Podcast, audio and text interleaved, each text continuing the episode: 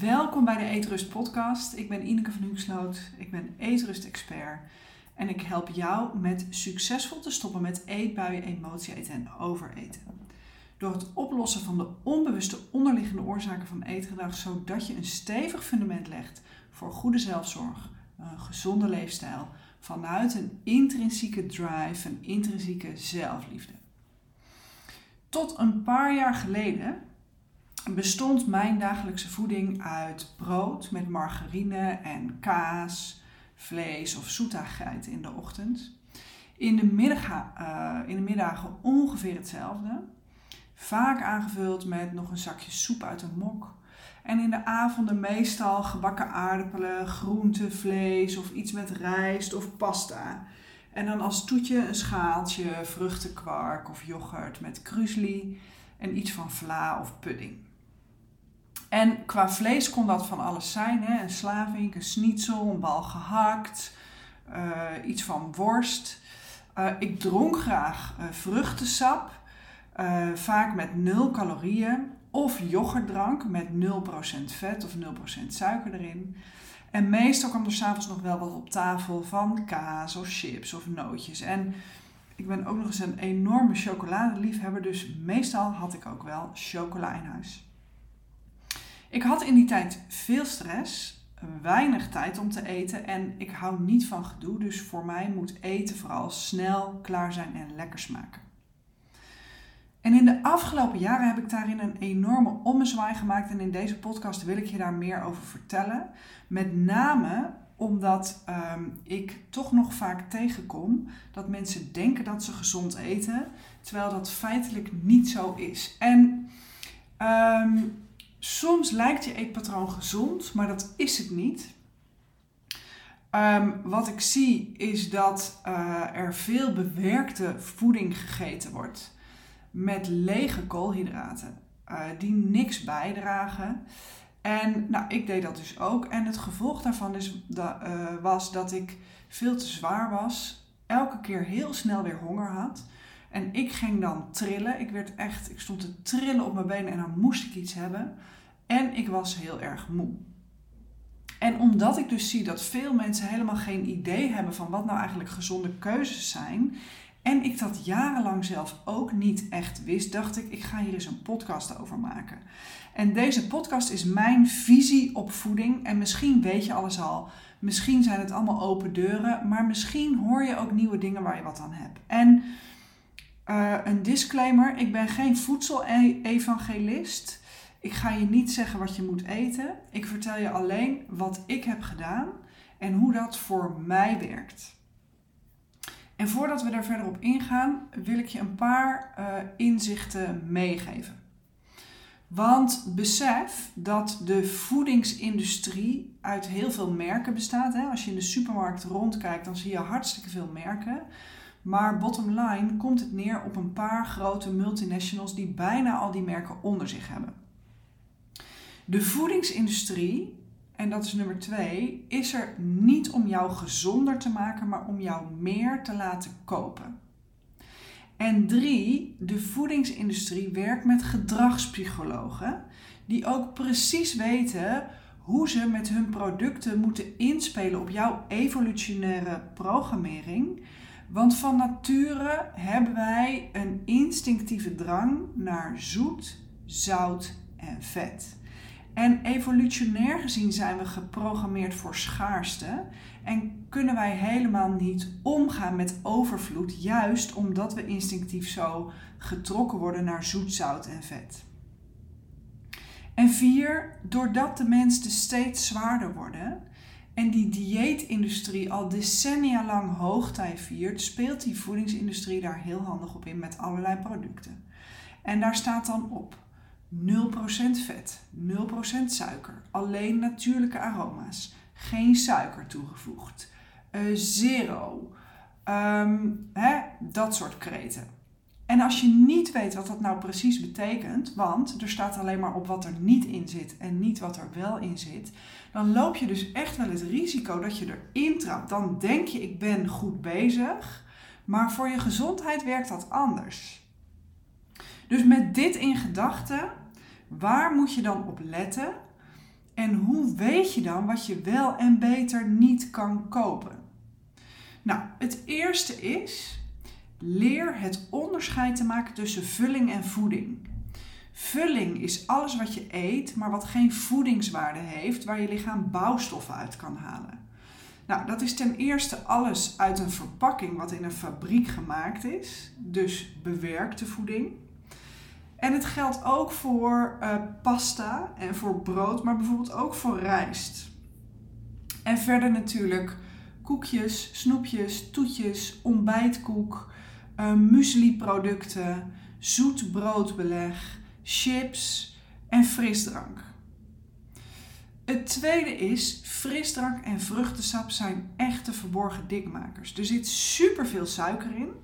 En als je iets koopt wat light is, of zero, of suikervrij, dan zit er zoetstof in. En dat is knijterongezond.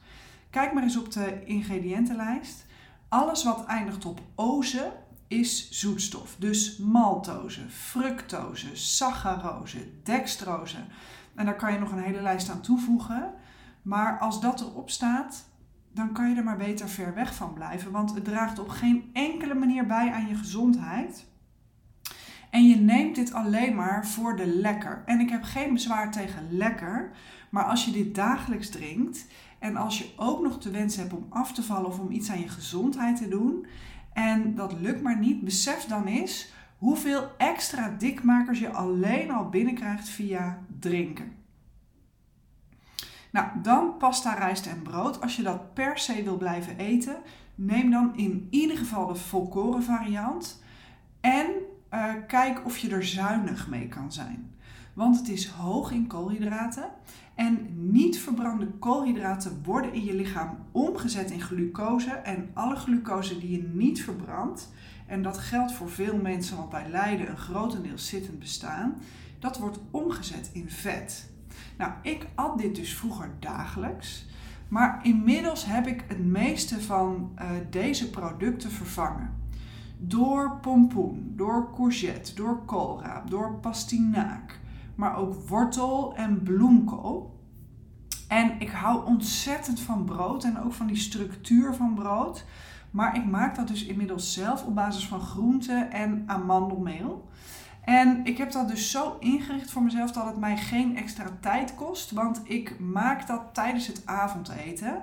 En dat doe ik heel simpel. Ik gooi alle ingrediënten in de blender. Ik zet de blender aan. Ik giet het in een bakblik. Ik zet het in de oven.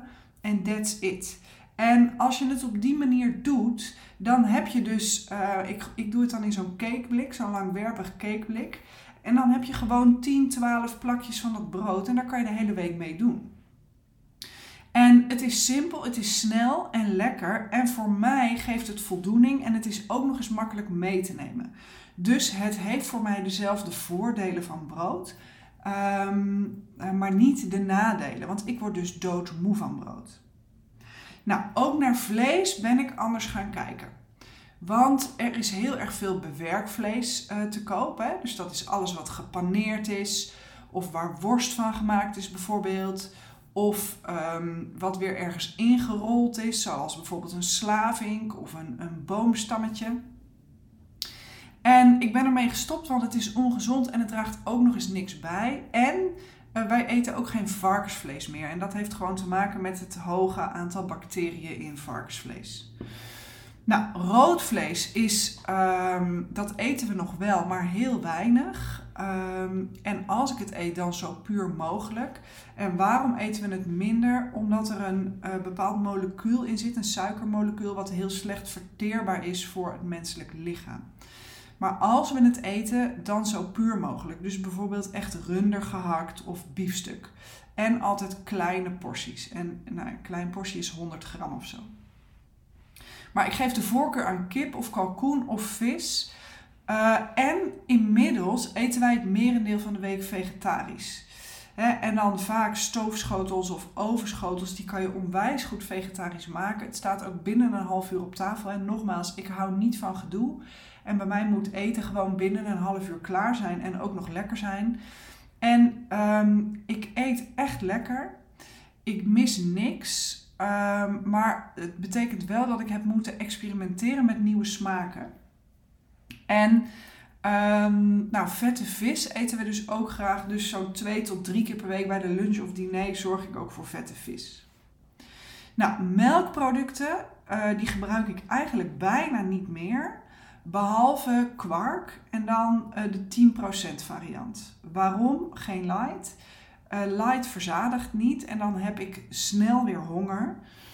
Um, en wat ik dus ook niet meer doe, is die yoghurtdrankjes drinken. En ik eet geen toetjes meer. En uh, ik gebruik ook geen uh, koeienmelk meer. Um, en dat heeft ook ermee te maken. Veel mensen zeggen: Ik ben lactose-intolerant. Maar iedereen is lactose-intolerant. Want onze darm kan het eigenlijk niet heel goed verwerken. Uh, plus, het heeft ook um, veel melksuiker. Wat dus ook weer bloedsuikerverhogend is. Dus voor je gezondheid is het gewoon niet heel goed en het houdt ook heel erg je drang naar suiker in stand. En in plaats van melk, want ik ben wel echt gek op cappuccino drinken, heb ik een hele tijd havermelk genomen en dan in een barista variant. Uh, maar daar zit heel erg veel verborgen suiker in. Dat staat niet op de verpakking. Um, maar uh, in je lichaam wordt het wel omgezet in suiker. Dus ik, dat doe ik echt nog heel weinig. Uh, wat ik nu doe voor het grootste deel is ongezoete amandelmelk of een wolkje kokosmelk. En daar heb ik eerlijk gezegd echt even aan moeten wennen, maar nu smaakt het prima.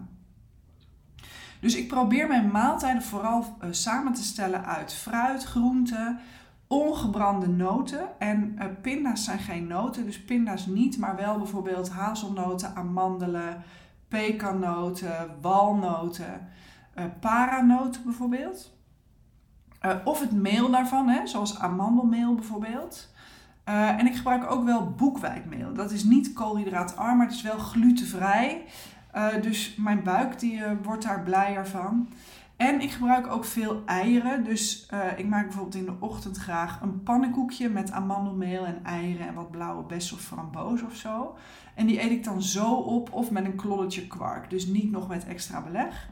En um, ik probeer te variëren met drie soorten ontbijten om af te wisselen. Dus wat ik bijvoorbeeld ook heel lekker vind, is een avocado en een banaan in de blender met een lepeltje rauwe cacao. Uh, dan wordt het een soort chocomousse en dat dan bijvoorbeeld met rood fruit. En uh, wat ik ook heel lekker vind, is uh, kokosmelk koken.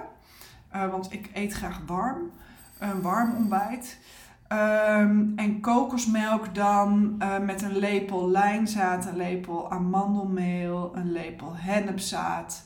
En dat dan aan de kook brengen tot uh, een lekker uh, warm papje. En dat is ook heel verzadigend. En nou, ik heb een man die ook heel goed voor ons zorgt. Dus die maakt elke dag een groene smoothie. Dus dat helpt ook heel erg om je groenten per dag binnen te krijgen. En ik kan me nou voorstellen dat je denkt, jongen, jongen, dat is echt wel een heftige omslag. Maar zelf ervaar ik dat niet zo. En waarom niet? Ik heb het echt stap voor stap gedaan. Want radicaal alles veranderen is geen lange termijn strategie, ben ik achtergekomen. Um, dat hou je ook niet vol. Dus ik heb telkens iets vervangen. En ik zorg ook dat ik echt blijf genieten van eten. Want anders kom je weer in die frustratie en in die neerwaartse spiraal terecht. Van ik mag niks en ik moet van alles. En dat wil ik ten uh, koste wat kost voorkomen. Dus telkens iets vervangen. En ook telkens iets weglaten. Dus ik ben bijvoorbeeld begonnen, maar dit is wel echt al een jaar of zeven, acht geleden hoor. Met suiker uit de thee weg te laten. Toen suiker uit de koffie. Toen de commerciële toetjes. als ik nu nog zin heb uh, in iets na te eten, dan is het fruit. wat ik heel lekker vind is een appeltje in de oven met kaneel. Eventueel met een crumbled gemaakt van amandelmeel en wat kokosolie. Dan krijg je zo'n soort appeltaart effect. Um, en ik drink uh, water, koffie en thee. En als ik het water een beetje te saai vind worden, dan doe ik er een citroentje door. Of uh, een takje munt. Of um, ik gebruik ook essentiële pure oliën. Dus ook daarvan een druppeltje olie, uh, bijvoorbeeld sinaasappelelie, maakt het water gewoon lekker. En Um, het is belangrijk om verzadigend te eten, zodat je geen honger hebt. Als je nu merkt dat je tussendoor honger hebt, dan betekent dat dat je niet extra moet eten, maar extra moet kijken naar wat je eet, want dan ga je daar nog ergens scheef. Uh, hongersignaal ontstaat ook heel erg bij bloedsuikerpieken. Dus ehm, hoe stabieler je je bloedsuiker kan houden, hoe minder honger je zal ervaren. En hoe meer je je lichaam laat afkicken van suiker, hoe minder ook je lichaam gaat vragen naar suiker. Ik heb het zelf jaren geleden cold turkey gedaan. Ik heb drie weken met barstende koppijn gelopen. Dat was niet fijn, maar het, ik kon het volhouden vanuit het besef van moet je kijken wat verslavend dit is. En uh, het zijn gewoon hardcore afkikverschijnselen. Maar um, je kan het helemaal op je eigen manier doen, gewoon afbouwen. Maar ik kan je van harte aanraden om echt met suiker te gaan minderen. Niet alleen voor je gewicht, maar ook voor je gezondheid. Want suiker is echt verslavend uh, voor je lichaam. Dus doe het stap voor stap. Vervang dingen. En zorg dat je geraffineerde suiker niet vervangt door de gezonde suiker, hè? zoals honing of dadelstroop of agavesiroop. Want dan kik je alsnog niet af van die drang naar zoet. Maar doe het stap voor stap en dan ga je ook heel snel merken dat je de dingen daarna veel te zoet gaat vinden. En uh, nou, zoals ik al zei, ik ben echt een chocolademonster. Uh, nou hou ik toevallig van pure chocola. Dus de chocola die ik nu nog neem, maar meestal maak ik mijn chocola nu zelf. Maar als ik chocola koop, is het altijd 80% of hoger. Zelf koop ik 90%. Ik vind dat heel lekker. Daar zit bijna geen suiker in.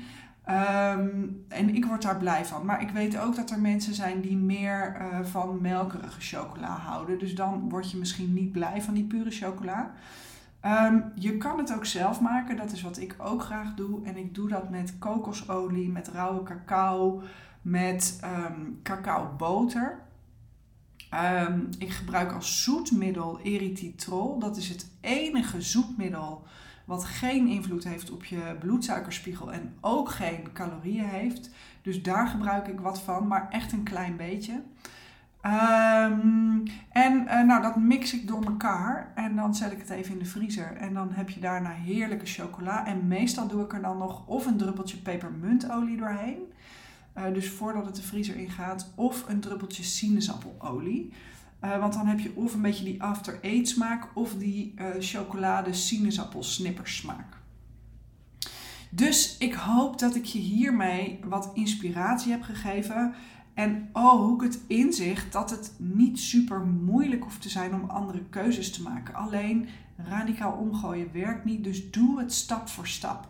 En heb je hier nou vragen over? Of zeg je nou van, joh, ik doe het op deze manier, maar wat zou je mij nou adviseren hoe ik dat stap voor stap kan doen? Welke veranderingen kan ik voor mezelf maken? Ik denk echt graag met je mee, dus stuur me ook echt gerust een berichtje via de mail of via Instagram. Vind ik alleen maar leuk om met je mee te denken. Oké, dan nog een keer de feestdagen challenge. Je hebt hem al vaker voorbij horen komen, maar ik blijf hem uh, nog eventjes noemen. Dat is uh, eh, 28 november beginnen we uh, daarmee. En ik ga je dagelijks inspireren met tips, kennis, informatie, pep talks.